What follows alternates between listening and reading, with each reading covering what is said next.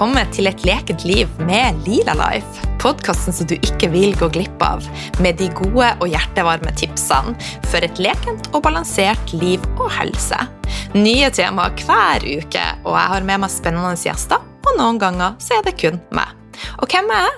Jeg er Line Holdal. Jeg er ernæringsterapeut, yogalærer, veileder i eteriske oljer og mamma. Jeg har en brennende interesse for en naturlig helse, miljø og dyrevelferd. Og jeg er i over gjennomsnittet nysgjerrig, og mitt mål er å dele mest mulig med deg. Jeg har vært alvorlig syk i mange år, eh, men nå er jeg 44, og livet, det smiler. Mitt mål er å vise deg at det er mulig å gjøre en stor forskjell med små endringer. Kos deg med podkasten Smask ifra meg.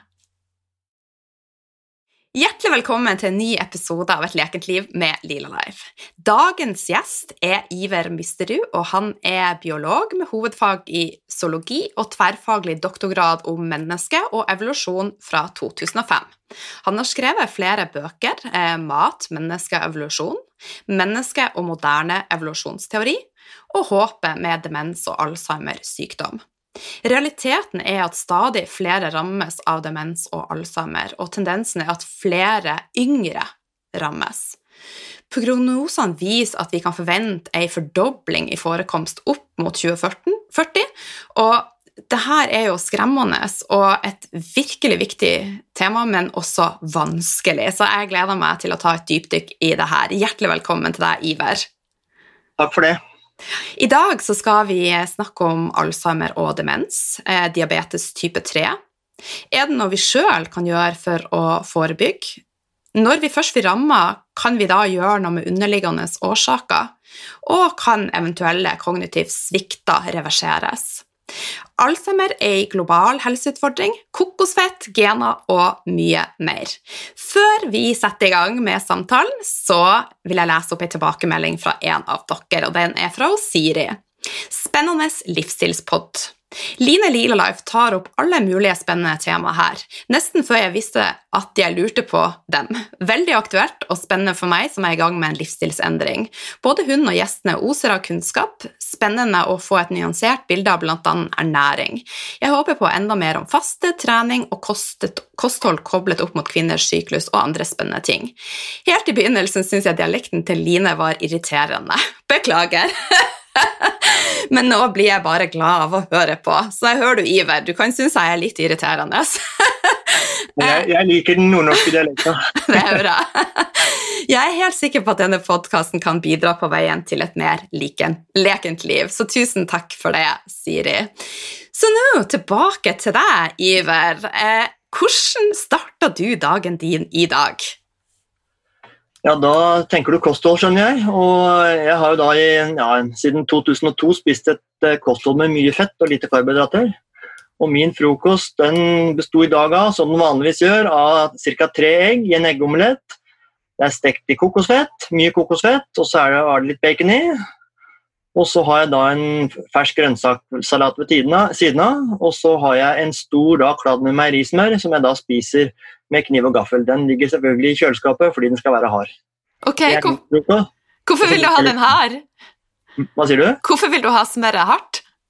Jo, for da er det lettere å spise med kniv og gaffel. Det blir ikke så mye klin. Hvis du skal ha smøret til å smøre på brødskiva, så må du selvfølgelig ha det i romtemperatur. Men når du skal skjære det med kniv og gaffel fordi du spiser litt større ting, da er det veldig greit å ha det kjøleskapshardt. Ja. Er det noen grunn da, til at du ikke bruker dette smøret til steking, men at du steker olivenolje og spiser smøret på sida?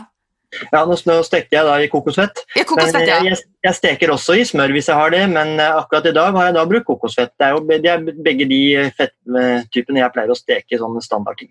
Ja. Det er, begge er fornuftige. Kokosfett er jo fornuftig fordi det da er eh, mettet fett som da går lett i forbrenning. Mm. Eh, pluss, som vi skal komme til, har det jo gunstig for, eh, for både det kognitive og Alzheimer osv. Og, og, og smøret er jo da en, er mye metta fett, en bra blanding, og det er jo lite bearbeida industrielt. Så det er en fin, fin fettkombinasjon som da mennesket har verdsatt langt, langt tilbake i forhistorien. Ja, Men eh, når det gjelder kokosfett, er jo litt nysgjerrig her. Det finnes jo to typer. Det er jo en som er med smak, og en uten smak. Hva bruker du til staking, da? Til steiking bruker jeg den, eh, den, som er uten smak, den som da er litt billigere, for det klart, da bruker du større volumer. Ja. Men hvis du skal ta det som et rent kosttilskudd, ta på skje f.eks., hvis du da mm. har eh, gjort kokosfettet flytende, så, så, bruker man jo den med smak, som er da dyrere og uraffinert og inneholder da en god del mer nyttige stoffer. Da. Men selvfølgelig, det, den er dyrere, så du bruker jo ikke den til å steke. Nei. Utenom eh, dette, har du noen faste rutiner som er med å sette opp dagen, sånn at du skal få en best mulig dag?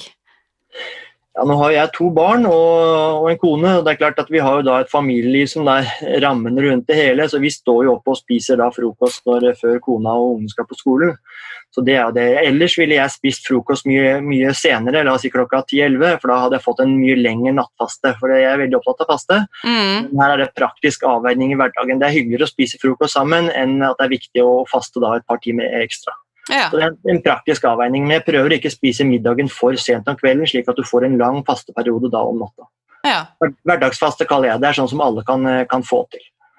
Ja, jeg er helt enig, og jeg ser også effektene av det. Det er, det er veldig fint. Eh, kan jeg spørre hva du Hva er hovedfordelene med faste som du sjøl kjenner på?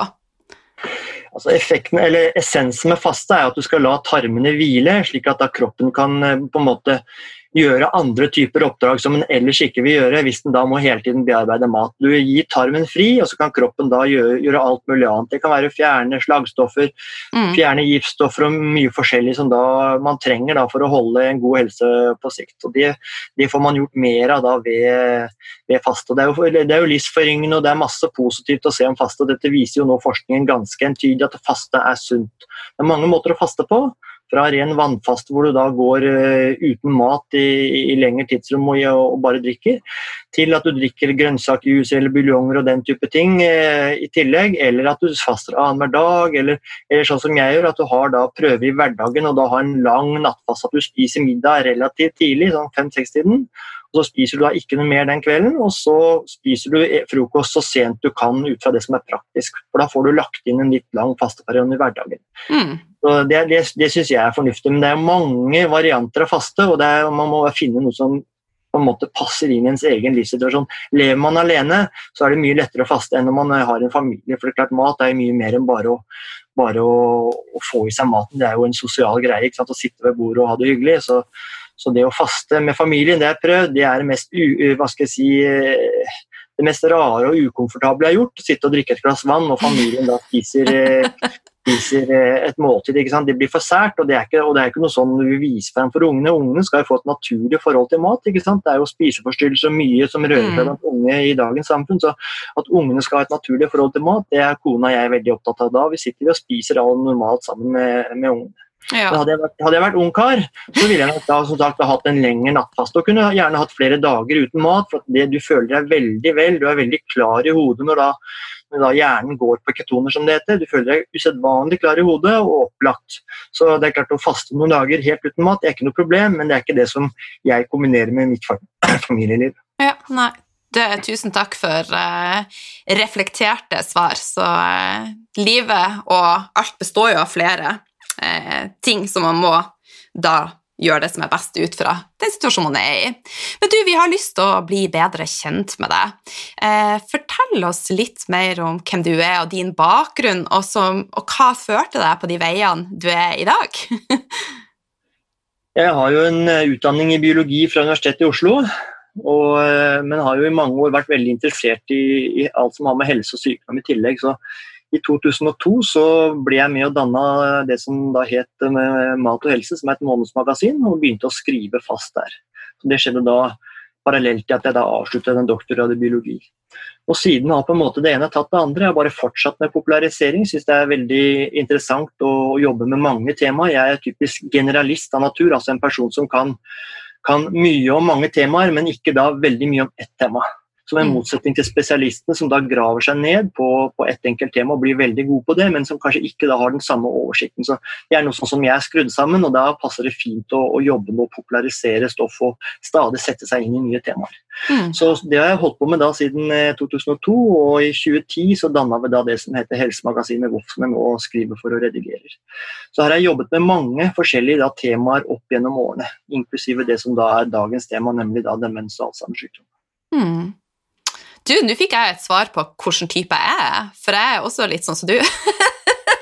Så nå avklarte du hvilken type Oline er. Jeg liker også å dele masse informasjon, og kan i perioder bli veldig opphengt i temaet, men så går jeg videre. Ja, da, de er generalisten. Og, Ja. og jeg, I og med at jeg har en akademisk bakgrunn, så skjønte jeg jo ganske fort at den typen personer er det jo ikke plass til, plass til i et universitetssystem. for at Der må man per definisjon være spesialist for å hevde seg i dagens forskning. Så Da var det egentlig naturlig å følge opp da mer med formidling av andres forskningsresultater og andres kliniske erfaringer. Det, det ligger mer til meg som type. Mm. Så Jeg har en bror som er professor i biologi, og han er jo typisk motsetningen ved at han da graver seg ned på da en del mer snevre temaer og blir veldig god på det. Og det er klart, Vi trenger begge deler da når man skal forholde seg til kunnskap og, og forskning. Absolutt. Du, vi er jo inne i en veldig spesiell og annerledes eh, tid. Hvordan har du og dine deg om dagen på, og påvirka situasjonen dere i stor grad? Altså, Jeg sitter jo på et eh, hjemmekontor året rundt, det gjør vi alle som skriver på Helsemagasinet. Vi har en desentralisert redaksjon, så min hverdag har jo da ikke vært eh, vesentlig endra. Men når du får huset fullt av unger og en kone, så er det klart at da blir det jo mindre tid til, eh, til egen jobb. Så det eneste som det har gjort, er at jeg har fått min, gjort mindre faglige ting selv, skrevet mindre og lest mindre. Men så har vi da hatt også mye hygge. Gått en tur midt på dagen med en av barna og bikkja og liksom vært i skogen og ja, Mm. prøvd å gjøre situasjonen litt hyggelig for, også for ungene. Da. Så det har blitt mindre jobbing, men det er blitt andre typer ting. Da. Så vi har kommet oss godt gjennom denne situasjonen. Vi, er, vi har ikke opplevd noe negativt. Begge, både kona som er lærer og jeg har jo da jobbene våre, og ingen usikkerhet økonomisk. Så vi er de veldig privilegerte som ikke har egentlig noe å klage over i denne perioden. Den rammer jo mange veldig hardt ved at de blir permittert og alt blir usikkert. Ja, ja. Nei, men det høres eh, fint ut. Du, tilbake til eh, dagens hovedtema, som er Alzheimer og demens. Eh, la oss starte litt fra starten av. Hva skjer egentlig når man utvikler Alzheimer eller demens? Altså, bare for å klargjøre begrepene, altså Demens er jo på en måte over, altså paraplyen. Det er liksom en felles betegnelse med mange typer eh, si, problemer da i hjernen. og Alzheimer er da den største underkategorien. så Alzheimer er en type demens, men det finnes altså andre typer demens i tillegg. Så, så Det jeg skal prate mest om nå, det vil jo være Alzheimer. Men mye av det vil også gjelde en del av de andre. altså Måten man behandler på vil jo være parallelt at du skal utrede pasienten for, eh, for årsaker. Men, men eh, det er jo altså Alzheimer jeg primært da har jobbet med til denne boken. Mm. Ja. Så hva som skjer ved, ved dette, her er jo at man særlig begynner å bli veldig glemsk og huske dårlig. Det er jo noe som vi alle kjenner igjen. Jo eldre man blir, jo mer klager folk over at de husker dårlig. Men for noen kommer det til et punkt hvor det vipper litt over, og dette begynner å bli stadig mer hva skal jeg si, problematisk i hverdagen. At man, man ikke klarer å huske hvor man har lagt fra seg ting, og at man glemmer ting som man før har husket. Og, det, og plutselig så, så er det vanskelig å, å, å fungere i en jobb eller, eller i et, et samliv, eller hva det nå er.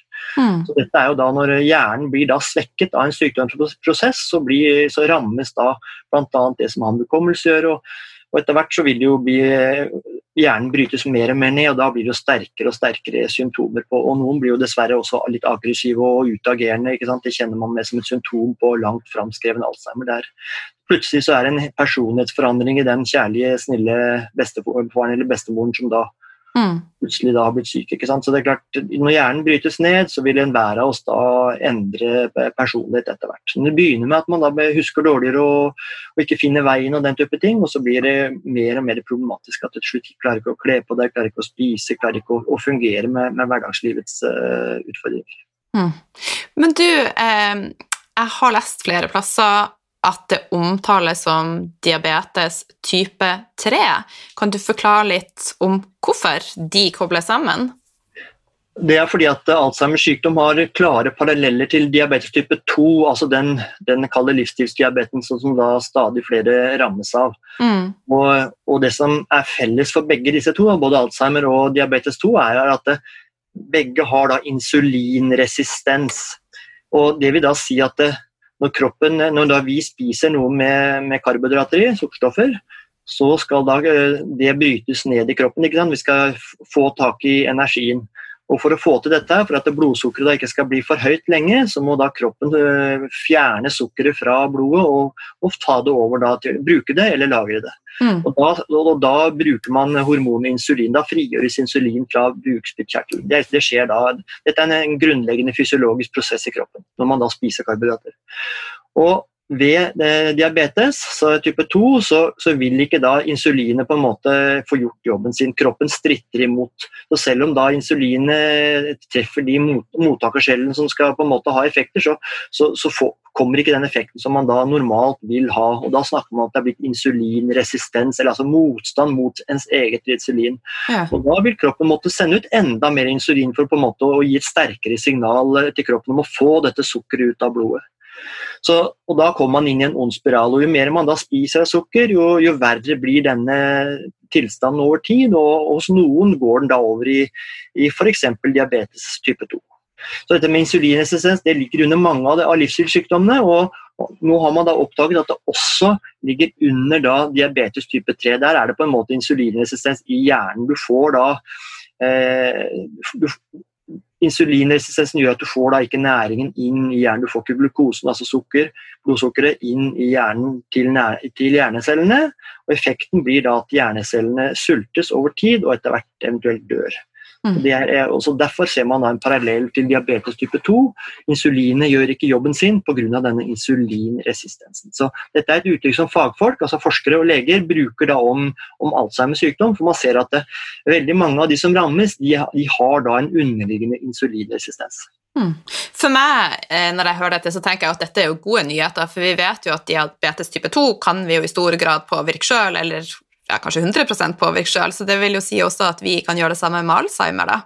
Ja, og Det er en god, god, slutning, og det er det som eh, gjør at jeg i min bok snakker om at det er håp for denne pasientgruppen. Mm. Altså Alle eh, kjenner noen med kreft. altså Vi kjenner noen som har overlevd kreft. ikke sant? En kreftoverlever det er jo et begrep, og vi kjenner dem alle. De, mange overlever i dag med større eller mindre måte, skader av cellegiftbehandling og det man har vært gjennom, men man overlever og kan kanskje leve lenge etter at man har gjennomgått aktiv behandling. Mm. Men hvis du spør kjenner du noen som har overlevd Alzheimers sykdom, Mm. Så er det ingen som rekker opp hånda. Jeg har stilt det spørsmålet noen ganger jeg holder foredrag. Selvfølgelig er det ingen hender som rekker opp, for det er en nedadgående prosess. Hjernen brytes ned, det er en sykdomsprosess, og det eneste utfallet er død. Du dør enten med sykdommen, hvis du dør av noe annet underveis, eller du dør av sykdommen etter hvert. Så, så du, du, du har ingen Alzheimer-overlevere før nå.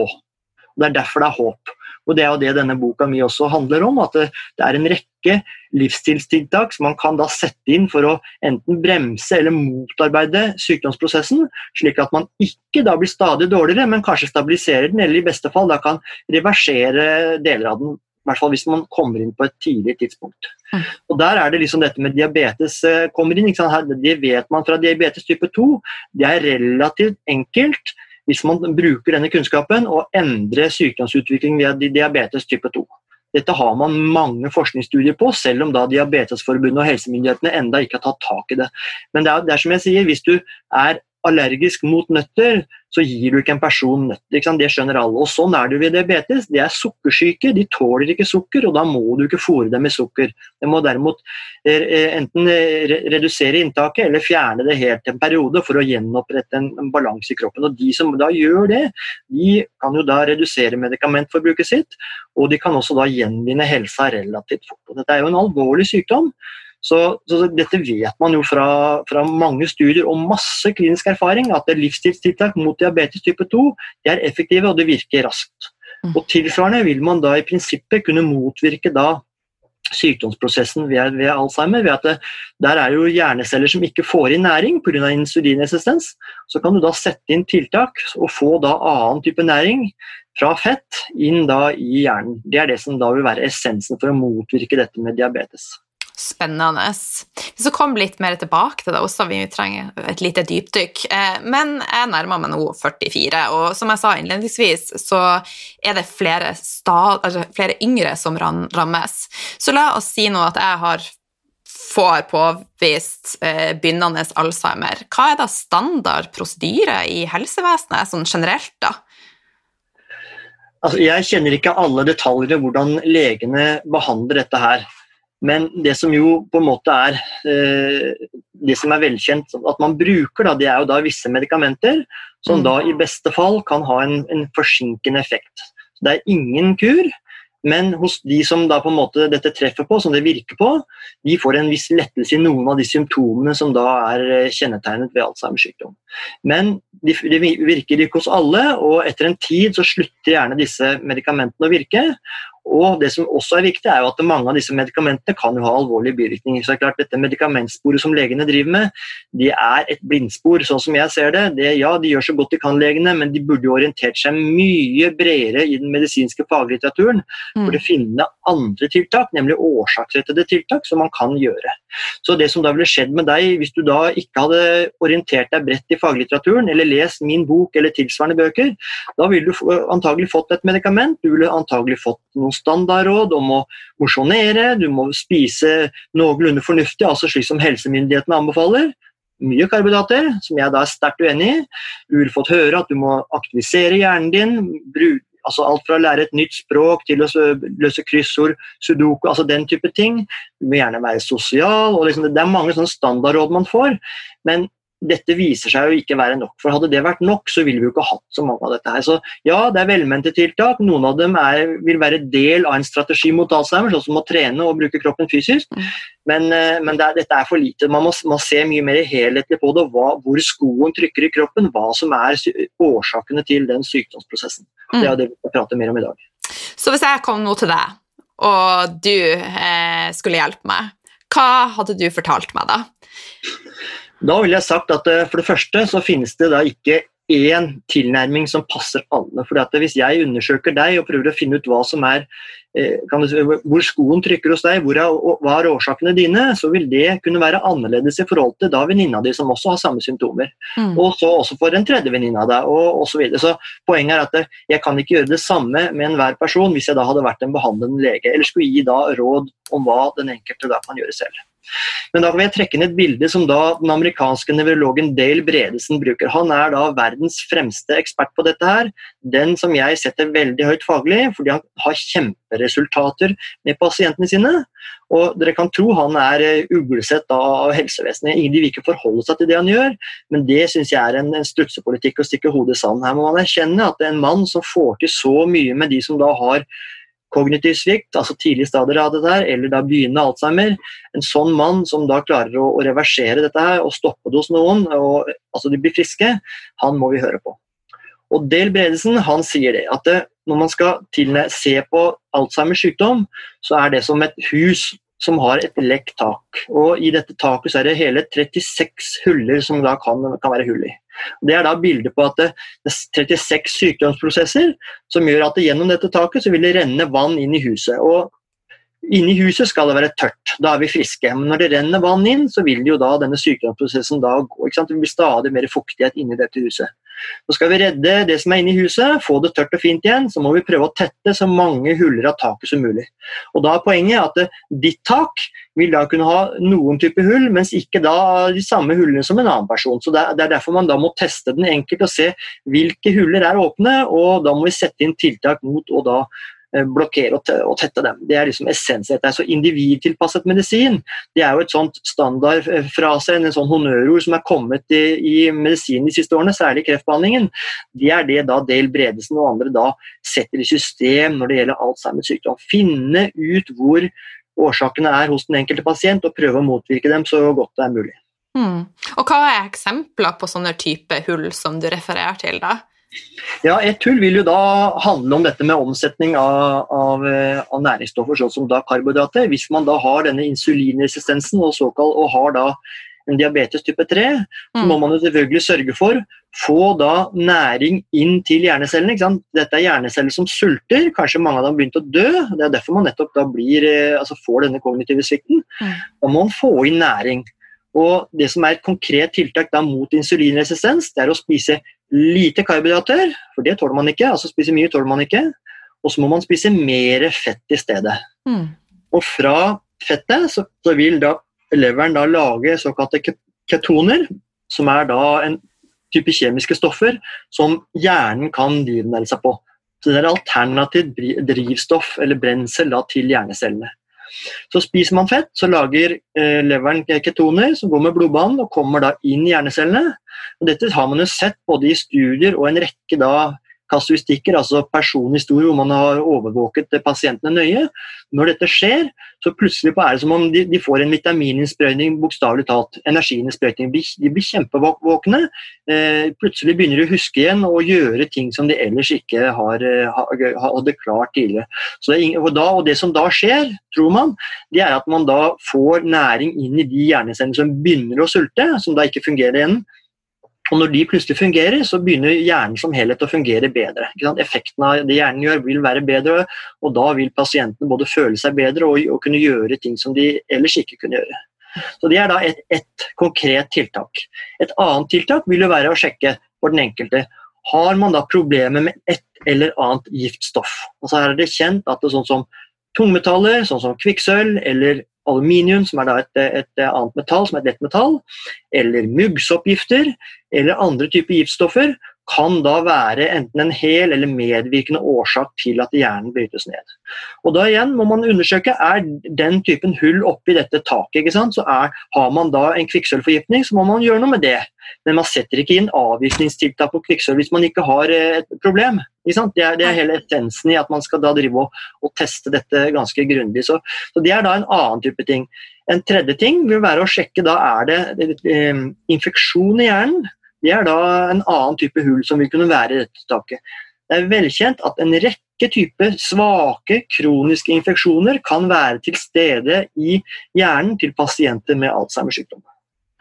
Og Eksempler kan være at eh, hjernen er full av sopp, og Da snakker jeg ikke om rød fluesopp og hattsopper som man tenker på som står på en plen eller i skogen, men da er det altså sopper som på en måte har sopphyfer og, sender på en måte disse forlengede armene sine inn i ulike vev og infiserer alt sammen. Tenk dere mer musopp på et brød, den typen sopper som du da kan ha i hjernen. Og Dette vet man personer som har donert kroppen sin til forskning. De har blitt obdusert etter at de er døde. Så har man åpna opp hjernen og sett her er de full av sopp. Så sopp kan være en medvirkende årsak. Og jeg grøssa innvendig nå. ja, ikke sant? Men poenget er at det, da kan du tenke tilbake på det myndighetene da gjør. Ja, De sier at du skal mosjonere, ja det er vel og bra. Og at du skal spise fornuftig. Ja, å spise mye karbohydrater det er jo det motsatte av det du da bør gjøre. ikke sant? Sukker det er jo det sopp bl.a. lever. altså Derfor skjønner man at myndighetenes tiltak de kan både være direkte eh, medvirkende til at sykdommen fortsetter, men, og de er heller ikke tilstrekkelige. Altså, å bare å løse sudoku for å tro at du skal stoppe en soppinfeksjon i hjernen, det er veldig naivt. Mm. Det ikke at man ikke skal løse sudoku, og skal absolutt eh, aktivisere hjernen, men man må ikke gjøre det som det eneste. Man må sette inn årsaksrettede tiltak isteden. Mm. Så sånn driver denne del bredelsen. Han går da inn i alle de sykdomsprosessene man da vet er, kan være operative ved Alzheimers sykdom, og så utreder man den enkelte pasienten. Så setter man da opp en slags eh, tiltaksplan, og hvor dette er da de viktigste tiltakene. og Da vil jo stort sett alltid det å redusere sukkerinntaket være en del av det. Og så setter man inn andre skreddersydde tiltak i forhold til hva testresultatene viser. Mm. Og Dette er nå veldig lovende. Det er mange pasienter som er blitt mye bedre, og Bredesen er, og andre er i gang med forskning for å teste dette enda mer systematisk. Så Det er liten tvil om at dette er fornuftig. og dette på en måte favner alt det som den medisinske litteraturen eh, også har favnet. Og man kan se at både aluminium og kvikksølv kan være en del av årsaksfaktorene ved, ved, ved, Alzheimers sykdom, men man setter ikke automatisk inn tiltak mot det, men du må teste hvordan dette ligger an. Og Sånn er det med andre ting som da Bredesen har funnet, eh, og som, som da står i denne medisinske litteraturen, det man alle kan finne hvis man da kan lese forskning. Man ser at ved Alzheimers sykdom så er det ofte inflammasjon. Både i kroppen, men også eventuelt i hjernen. Og inflammasjon handler om betennelsesreaksjoner. Ja, da må man prøve å finne årsaken til betennelsen og gjøre noe for å redusere denne svake betennelsen som da er der. ikke sant? Den type ting. Mm. Så, så, sånn ser han på i, hvilken grad har man oksidativt stress. Det er altså at for mye av disse frie radikalene. Det er derfor vi trenger antioksidanter. Oksidativt stress har man funnet i forskning, det er kjennetegn ved Alzheimers sykdom. dette visste man ikke for noen år tilbake, men nå vet man det. Ja, da må man i behandlingen se i hvilken grad er det mye oksidativt stress i denne enkelte pasienten, og så må man sette inn tiltak. Fjerne sukker, fjerne andre ting som da kan gi oksidativt stress i kroppen, og tilfører kanskje mer antioksidant en periode for å få kroppen mer i balanse igjen og motvirke sykdomsprosessen.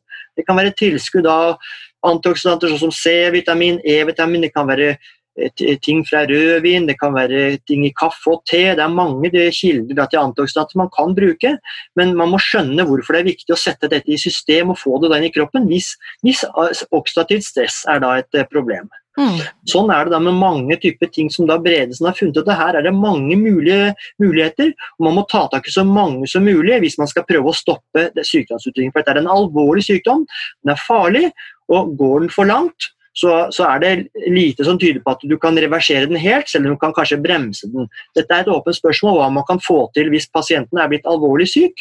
Men kommer man inn på et tidlig tidspunkt, så er det godt håp om at man kan oppnå ganske mye for den enkelte. Mm. Jeg tenker jo Alle de tingene som du prater om her, er jo noe man bør kartlegge før man kommer dit. For at får man ikke Alzheimer, så vil det jo mest sannsynligvis være grobunn til en eller annen sykdom. Så jeg tenker at dette burde vært forebyggende for alle. Ja. Og Der setter du fingeren på noe veldig sentralt. for at det, De fleste av disse tiltakene som da man ser kan være virksomme ved Alzheimers sykdom, det vil jo være forebyggende tiltak mot en rekke livsstilssykdommer. Mm. Dette med høyt inntak av sukker og karbohydrater det, det tegner seg til å være en viktig årsak til bl.a. hjerte- og karsykdom. Mm. Før var det fett som på en måte var den store synderen. Nå er i praksis fett i forskningslitteraturen frikjent, og man ser at sukker seiler opp som den store synderen. Mm. Ja, Helsemyndighetene har ikke skjønt dette her ennå, og de gir fremdeles eh, råd om, om, fettfattig kosthold, men det er da mot bedre vitende og hva på en måte man nå ser tegner seg som et klart bilde i forskningslitteraturen. Så her er det mye man kan gjøre, og da kan du også gjøre noe med diabetes, selvfølgelig, for det jo, har jo også med sukker å gjøre. Mm. Og du, kunne, du, du tar Alzheimer, og det er mange typer ting som da et høyt inntak av sukker og karbohydrater over tid kan da gi i kroppen. Så fettlever som blir stadig større problem. ikke sant? Og Det skjønner man, det er en del av det, det livsstilskomplekset som da mye karbohydrater over tid kan gi. Mm. Så som du nettopp sier, ved at man setter inn de samme tiltakene gjerne tidlig i livet, så vil man forebygge mye av dette her. Mm. Men det er klart, Når jeg sier da hjerte-karsykdom, jeg sier ikke at det, høyt sukkerinntak er den eneste faktoren, for det er det definitivt ikke. Men det, det er én faktor som kan gjelde noen, eller være en hovedfaktor for mange. Det er jo ulike typer infeksjoner som kan være en del av hjerte- og karsykdom. Det kan være forgiftningsreaksjoner på tungmetaller og mye som påvirker dette. Så det er et vidt spekter av faktorer man da må utrede også for en hjertepasient, hvis man skal tenke på denne, nå, denne måten jeg nå skisserer. Så, så, det er ikke enkelt å nødvendigvis behandle hjertepasienter, men det du kan si er at alle bør være forsiktige med sukkeret. fordi at sukker det er velkjent som da en negativ faktor, risikofaktor over tid. Mm. Og så vet vi jo at stress aldri er en hit. så det å... Nei, og det er, også, det, og det er helt, helt, essensielt. og Det gjelder typisk for hjerte- og karsykdom, men det gjelder også for, for Alzheimers sykdom. Og denne Dale Bredesen, da, som, på en måte vi skal, som jeg da gjerne framstiller som den store faglige helten, for å bruke et sånt uttrykk, han er jo gift med en lege, en kone. Han er jo selv nevrolog, altså forsker på sykdommer i nervesystemet. Men han har da en kone som nettopp jobber helhetlig med underliggende årsaksfaktorer. Og Hun har jo da i alle år sagt at ja, det han, når han forsker på på laben, han er nødt til å komme fram til at det dypest sett handler om livsstilsfaktorer. At det er det mm. som er det årsaken. Og Da må man utrede. Men han har jo da i årevis aldri hørt på henne før nå. Nå ser han at hun har hatt rett til hele livet. Og som han sier, hvis noen for 30 år siden hadde sagt at jeg skulle anbefale meditasjon og yoga og stressreduserende teknikker, så hadde jeg selv ledd høyt, og det hadde alle andre gjort også. Men i dag er det en selvskreven del av den totalpakka han nå eh, rekvirerer og anbefaler sine pasienter og alle andre som da vil ta tak i denne måten å tilnærme seg på. Er en, vi, er et, vi, er jo en helhet, og klart stress er viktig. Stressreduksjon er viktig for at man da skal også motvirke mange typer sykdomsprosesser. Så mm. ja, stress er definitivt noe man skal fokusere på, i den grad man klarer å gjøre noe med det. Mm. Jeg har jo vært en stressus i, ja, i Jeg tror jeg har vunnet pokaler hvis det hadde vært mulig, men eh, det er mulig å snu. Så i 2020 så har jeg meditert to ganger om dagen. Og det er jo viktig da at det trenger ikke å være 20 minutter. To minutter er jo bedre enn ingenting. Så Absolutt. Og man, den enkelte må finne seg noe som fungerer i hverdagen. Jeg har en hund og går da turer med den flere ganger om dagen. Og da går jeg ikke med noe å gjøre. Jeg, jeg bruker ikke podkasten din eller andre ting. for nettopp at Jeg vil da la hjernen få hvile litt og mm. få bearbeide tankene og følelsene og alt det man da har som en del av det å leve. Og det er, det er min form for meditasjon. akkurat som jeg, Hvis jeg da trener, så har jeg det samme at jeg ikke da vil ha noe lyd eller noe i ørene. Det er min meditasjon. Det fungerer for meg. Mm. Mange av mine venner mediterer. og Det er klart det er utrolig forskjellige måter å, å redusere stress på. og Der kan man ikke komme én fasit, men det er viktig at man, man, har et fokus på det og prøver da å redusere stress, for det er viktig. Mm.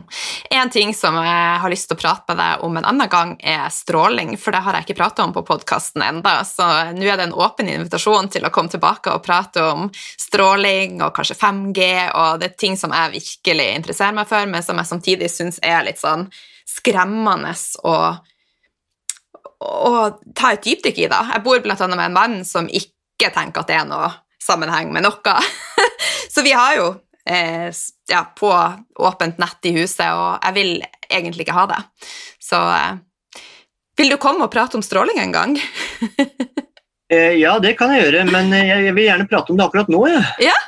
Fordi at eh, de som da har sett boka mi eller er interessert, de, der har jo et helt kapittel om stråling og Alzheimers sykdom. Mm. Og, og, det som da er, eh, er, viktig her, er at nå har man de siste tiårene økt på en måte den menneskeskapte strålingsbelastningen veldig sterkt her på kloden. Mm. Og Myndighetene sier at dette er helt ufarlig, men altså, vi, vi, vi, som faktisk leser forskningslitteratur eh, regelmessig, vi ser at det er utrolig mange, det er hundrevis, ikke flere tusen studier som da finner negative effekter på helsa av den typen strålingsnivåer som vi allerede nå har eh, gjennom oss. Og nå kommer da 5G oppå det hele. Det er klart det er mange som da roper varsko her. Mm. Når det da gjelder, eh, når det da gjelder eh, Alzheimer, så er det da to typer strålingskilder man da er bekymra for. Og Det ene er da det som gjelder strømnettet altså strømledningene, høyspentledningene, men der er det et magnetfelt rundt, det, rundt ledningene når det da går strøm gjennom. Altså, dette er velkjent fysikk. Altså, går det strøm gjennom eh, en leder, så vil det da dannes et magnetfelt. Og Det er jo da særlig et magnetfeltet man da lurer på om kan være negativt for eh, utvikling av, eh, av Alzheimers sykdom. Og Det andre er jo da den trådløse kommunikasjonen fra alle slags altså mobiltelefoner og trådløse nettverk og den type ting, som jo øker voldsomt. Og Begge de faktorene, både magnetfelt fra det strømnettet og da trådløs kommunikasjon, er mistenkt å kunne være medvirkende faktorer, faktorer til Alzheimer. Og det er klart det det, dette er, her trenger man mer forskning, det er, det er uten tvil. Men allerede nå så, så ser man et, på, på, en måte at det, det, er mye som underbygger at dette er negativt. At kanskje strålingsnivået er medvirkende årsak. Så det jeg sier er at det, den, det er ikke gjennomført studier som har kobla direkte da stråling og eksponering for det og til utvikling av Alzheimers sykdom over tid. Det er ikke gjort. Mm. Men det man har funnet ut, er at stråling påvirker oss på måter som vi da vet i seg selv kan eh, bidra til sykdomsutvikling. Et eksempel er dette med melatonin, altså kroppens eh, søvnhormon. Det man vet fra studier, er at eh, hvis du har lave nivåer av dette, her, så øker du risikoen for Alzheimers sykdom. Så det vet man. Så vet man i tillegg at eh, denne typen stråling kan da redusere kroppens eh, nivåer av melatonin. Så da, da, er det liksom sånn to pluss to. Det er lett for å bli fire, selv om på en måte dette ikke er vist til forskning. Så fordi da stråling reduserer melatonin, og man vet at med lavt melatonin da er, øker risikoen for Alzheimer, så kan man forvente at stråling da nettopp da bidrar til sykdomsutviklingen. Og En annen ting er at det, særlig mobilstråling den åpner den såkalte blod-hjerne-barrieren. Altså dette er jo en, en, slags hinne som er rundt hjernen, som skal eh, beskytte hjernen da mot ulike ting som bl.a. kommer med blodet. Det kan være bakterier, virus, giftstoffer, altså fremmedstoffer som ikke skal inn i hjernen. Mm. Og, men selvfølgelig andre ting, mat og næringsstoffer som kommer med blodet, det må selvfølgelig trenge inn. Så dette er en, en slags membran som kan åpne seg for det som skal inn, og skal den holde det andre ute. Det man eh, vet fra forskning, mange studier, er at når man prater i en mobiltelefon og eksponeres for den type stråling, så åpnes på en måte porene i denne blod-hjernebarrieren. Det betyr at det dritt og møkk som da er i blodet, som ellers ikke ville kommet inn i hjernen, trenger inn i hjernen. Og da kan vi tenke oss en person som for står og røyker og prater med mobiltelefonen med en gang. Det er en svært uheldig kombinasjon. Ved røyken så får du en masse giftstoffer, så åpner samtidig da eh, strålingen da blod-hjernebeineren, så det faktisk kommer inn i hjernen. Altså Bare for å bruke et bilde på det, en, en, som står og røyker og prater i mobil samtidig. Så Vi vet jo at vi alle eksponeres for en rekke typer giftstoffer, og ved å bruke mobiltelefon så får man mer av det inn i hjernen. Og Kobler man det til Alzheimer, så ser man jo ikke sant, dette med metallforgiftning er antagelig en medvirkende årsak til en, at en rekke personer utvikler sykdom. Så der kommer stråling inn. Og I tillegg så, så ser man at det, når hjernen eksponeres for stråling, så produserer den da dette beta-amyloidet, dette plakket som da er kjennetegnet ved Alzheimers sykdom, og som man da mener er en slags eh, beskyttelsesmekanisme. Så strålingen stresser kroppen og gjør at kroppen da produserer dette beta-amyloidet. Og I tillegg så ser man fjerde, altså det fjerde punktet, som kanskje ikke høres så alvorlig ut, men som er kjempealvorlig sett fra et fysiologisk synspunkt. Det er at det, vi har jo da en rekke kanaler i cellemembranene som på en måte åpnes av kalsium. Altså det, det, er spenning som åpner dem, og så strømmer det da kalsium inn i en celle og setter i gang en rekke prosesser. Så at det går kalsium ut og inn av en celle, det er en veldig viktig reguleringsmekanisme i kroppen.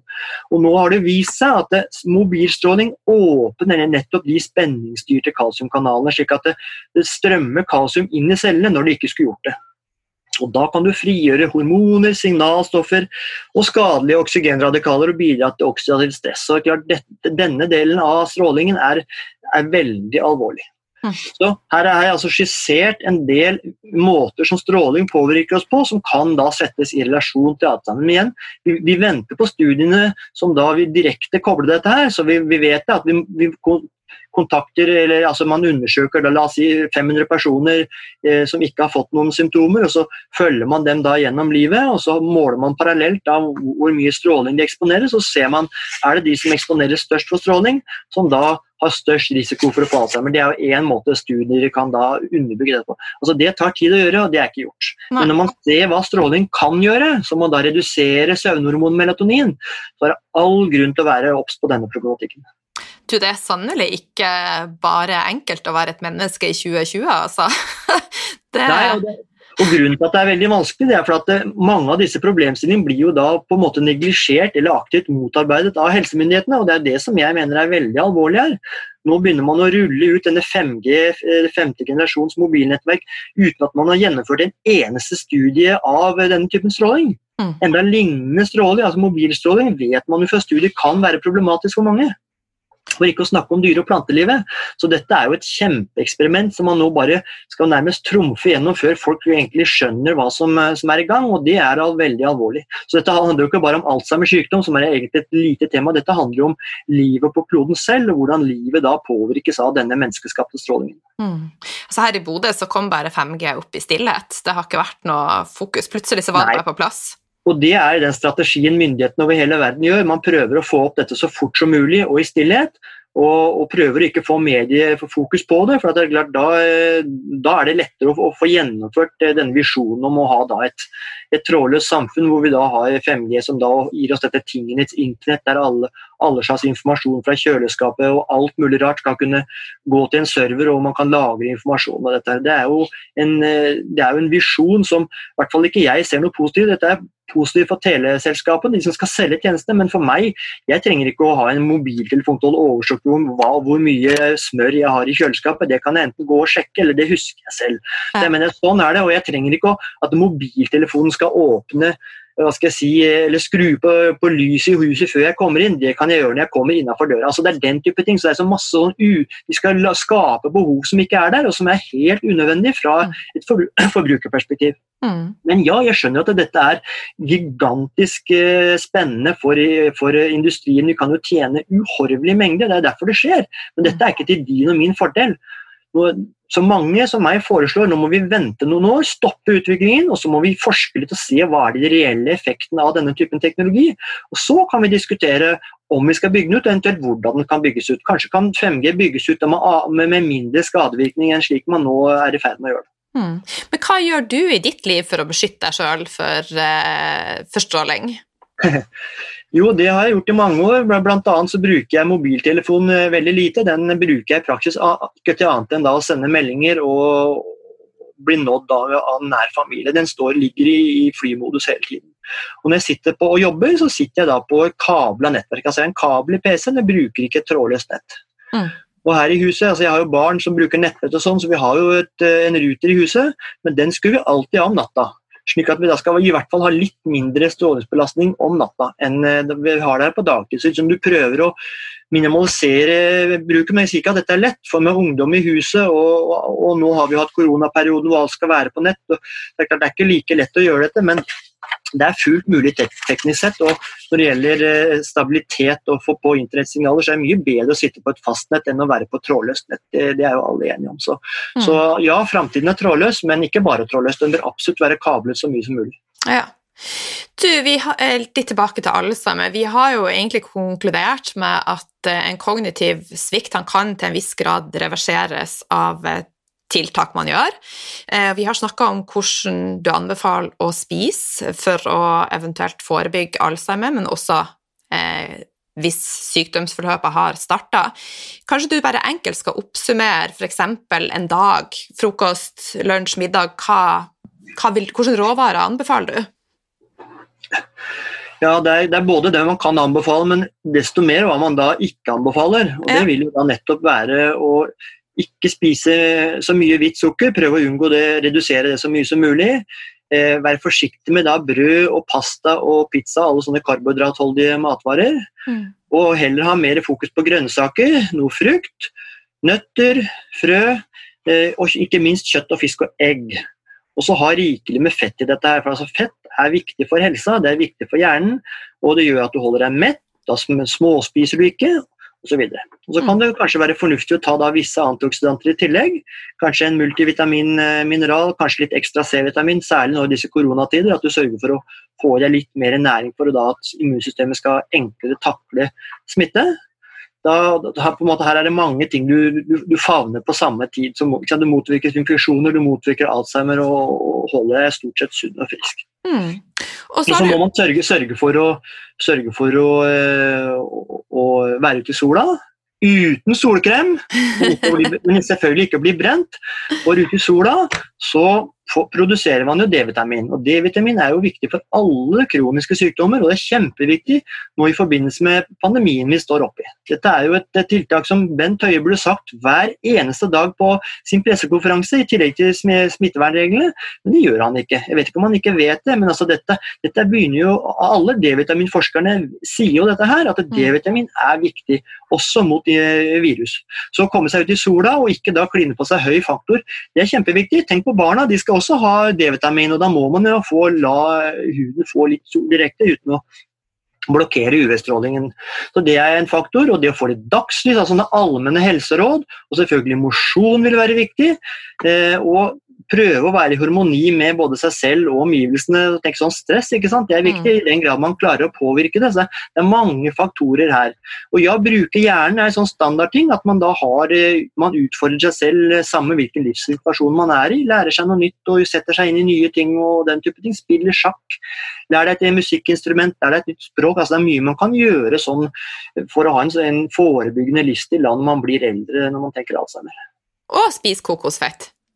Spis kokosfett, og kokosfett eh, den er viktig både mot, eh, mot, virus, men det er særlig da viktig fordi at du lager ketoner veldig lett. Altså Leveren tar det kokosfettet direkte inn. Du må ikke ha galle for å bryte ned kokosfett. Dette er mellomlange fettsyrer som går rett i forbrenning, og så får du dannet da disse ketonene som er så, så for viktige for hjernen da i forbindelse med Alzheimer. Men de er jo også kjempeviktige øh, i annen, sammenheng, annen helsemessig sammenheng. Det er jo ketoner man danner når man er i faste, ikke sant? som gjør at mm. man da føler seg veldig klar i hodet eh, når man faster, f.eks. Men du, genene. altså Fra tidligere så har vi blitt uh, lært til at genene kan vi i liten grad uh, påvirke. Eh, Hva er dine tanker her, og også opp mot Alzheimer? Jo, der er veldig klare tanker. for det, det, man, eh, det man, jo har visst lenge, er at det er en spesiell eh, genvariant som heter ApoE. Det står for apolipoprotein E. Det er et gen som vi, som vi arver fra en, et gen fra mor og et fra far. Og den fins i tre varianter. Altså A på E2, altså variant 2, variant 3 og variant 4.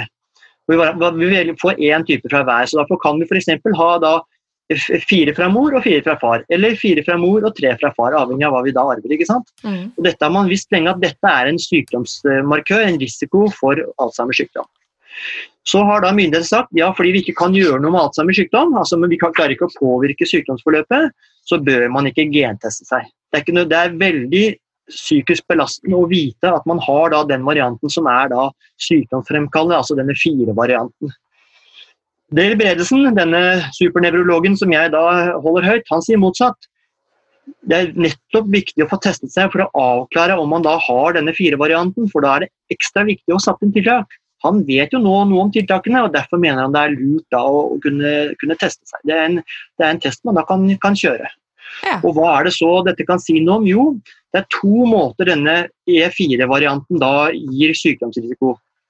Det ene er at den er mye dårligere til å avgifte kvikksølv.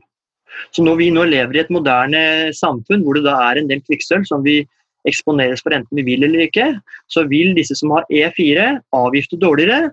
Og hvis du ikke får det ut av kroppen, så lagres det. ikke sant? Og da vil det kunne bygge seg opp og være da en medvirkende faktor for sykdomsutvikling. Så det er det ene. Og det andre er at det, dette er jo også et gen som er der fordi at det har med fettomsetningen å gjøre. Dette er på en måte lavkarbogene historisk. De som har det, de er de som er best tilpasset å spise da mye fett og protein, slik våre forgjengere da har gjort. Mens disse E3 og E2-variantene har kommet til senere.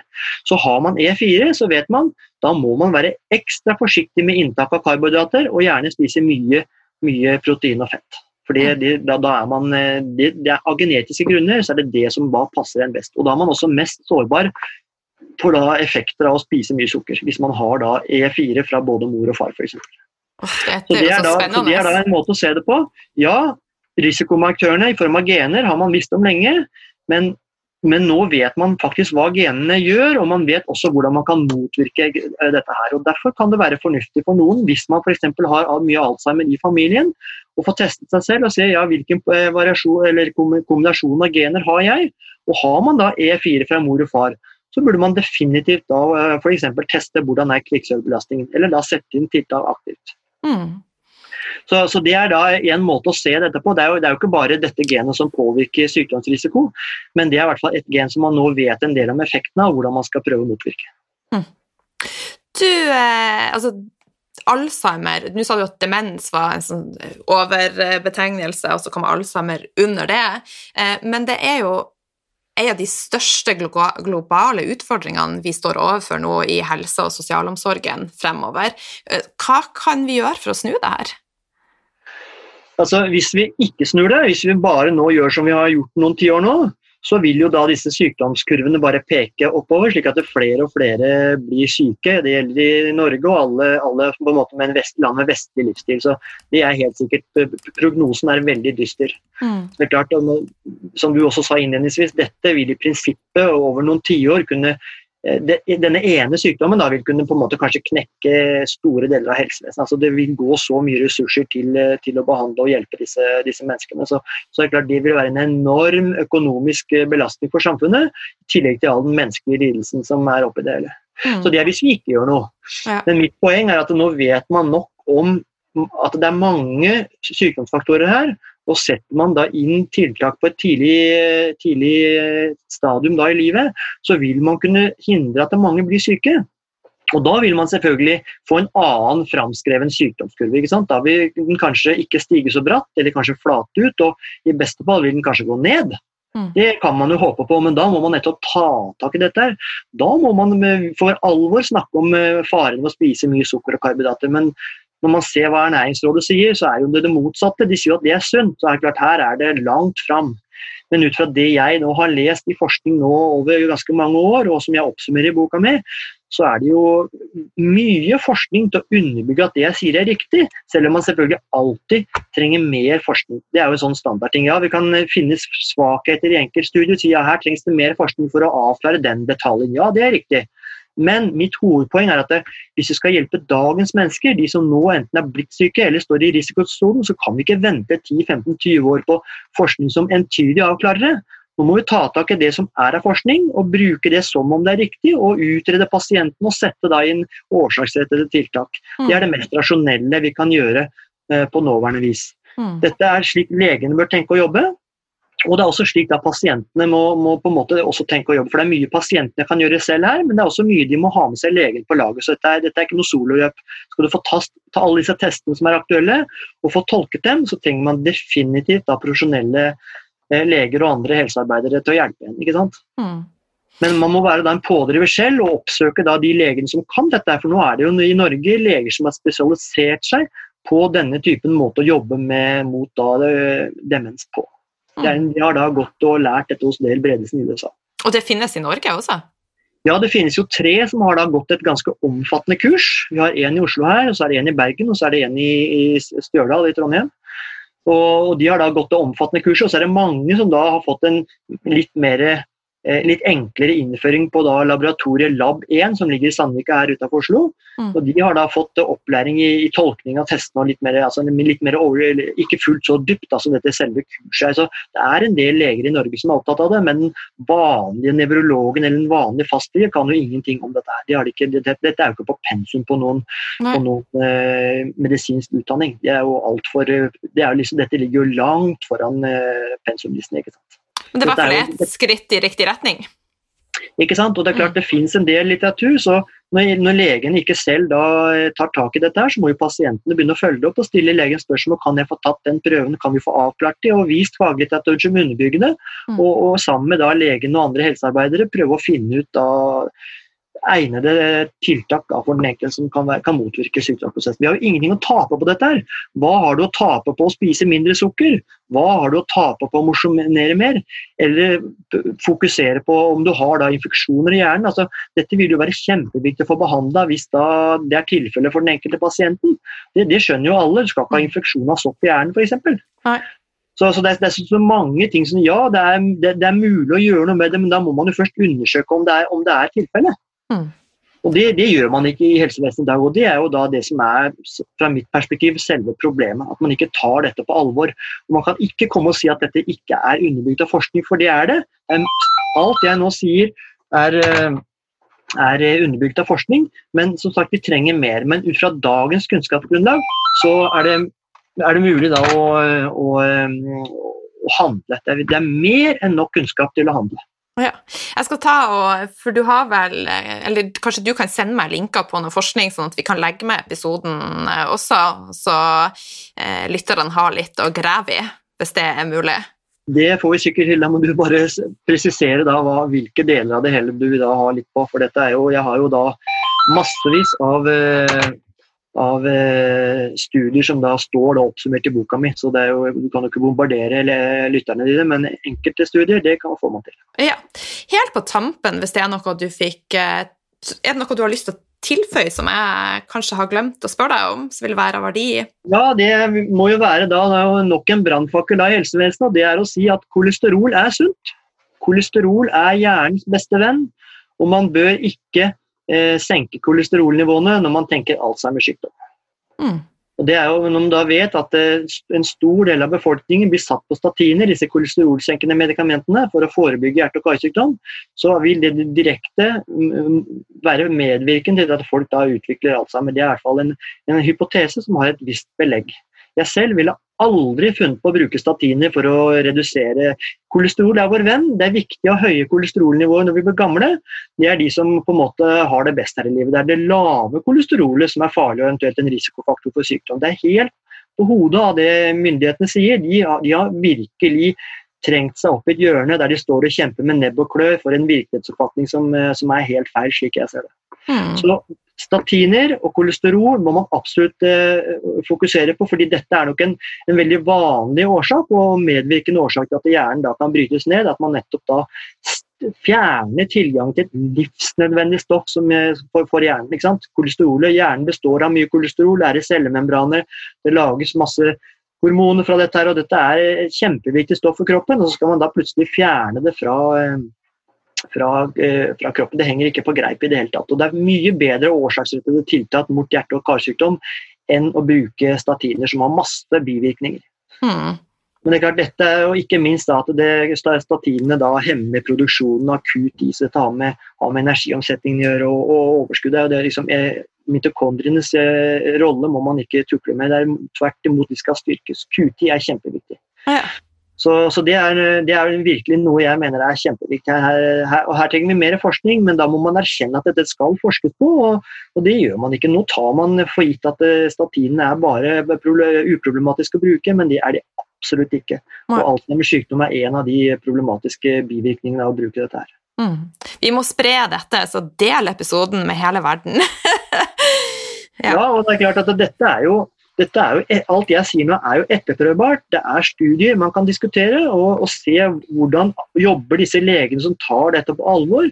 og De tar ikke dette ut av lufta, de forholder seg til forskning og omfattende klinisk erfaring da eh, over mange. Det er mange leger på verdensbasis som jobber sånn og mm. utreder pasientene, setter inn årsaksrettede tiltak.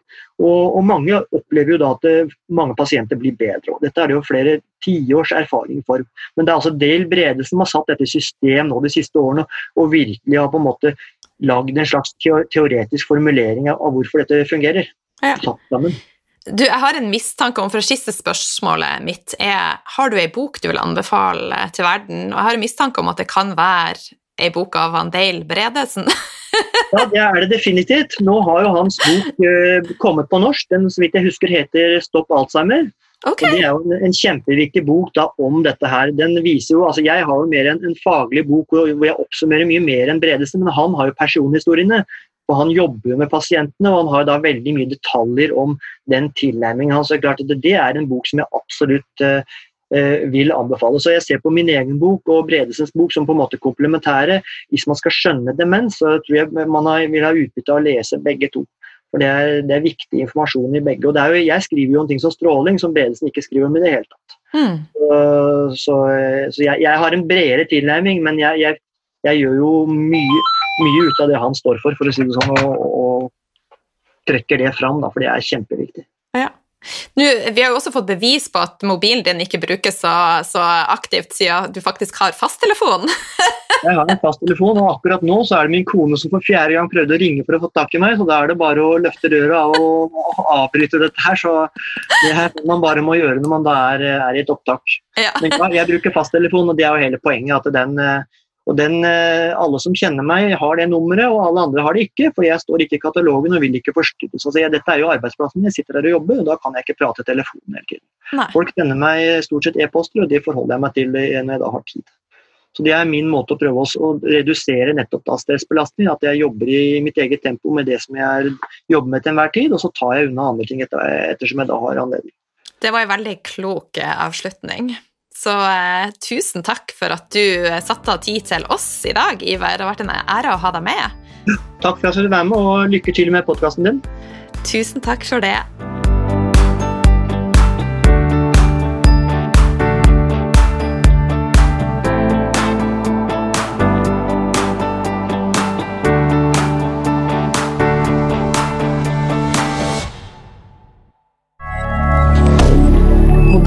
D'accord.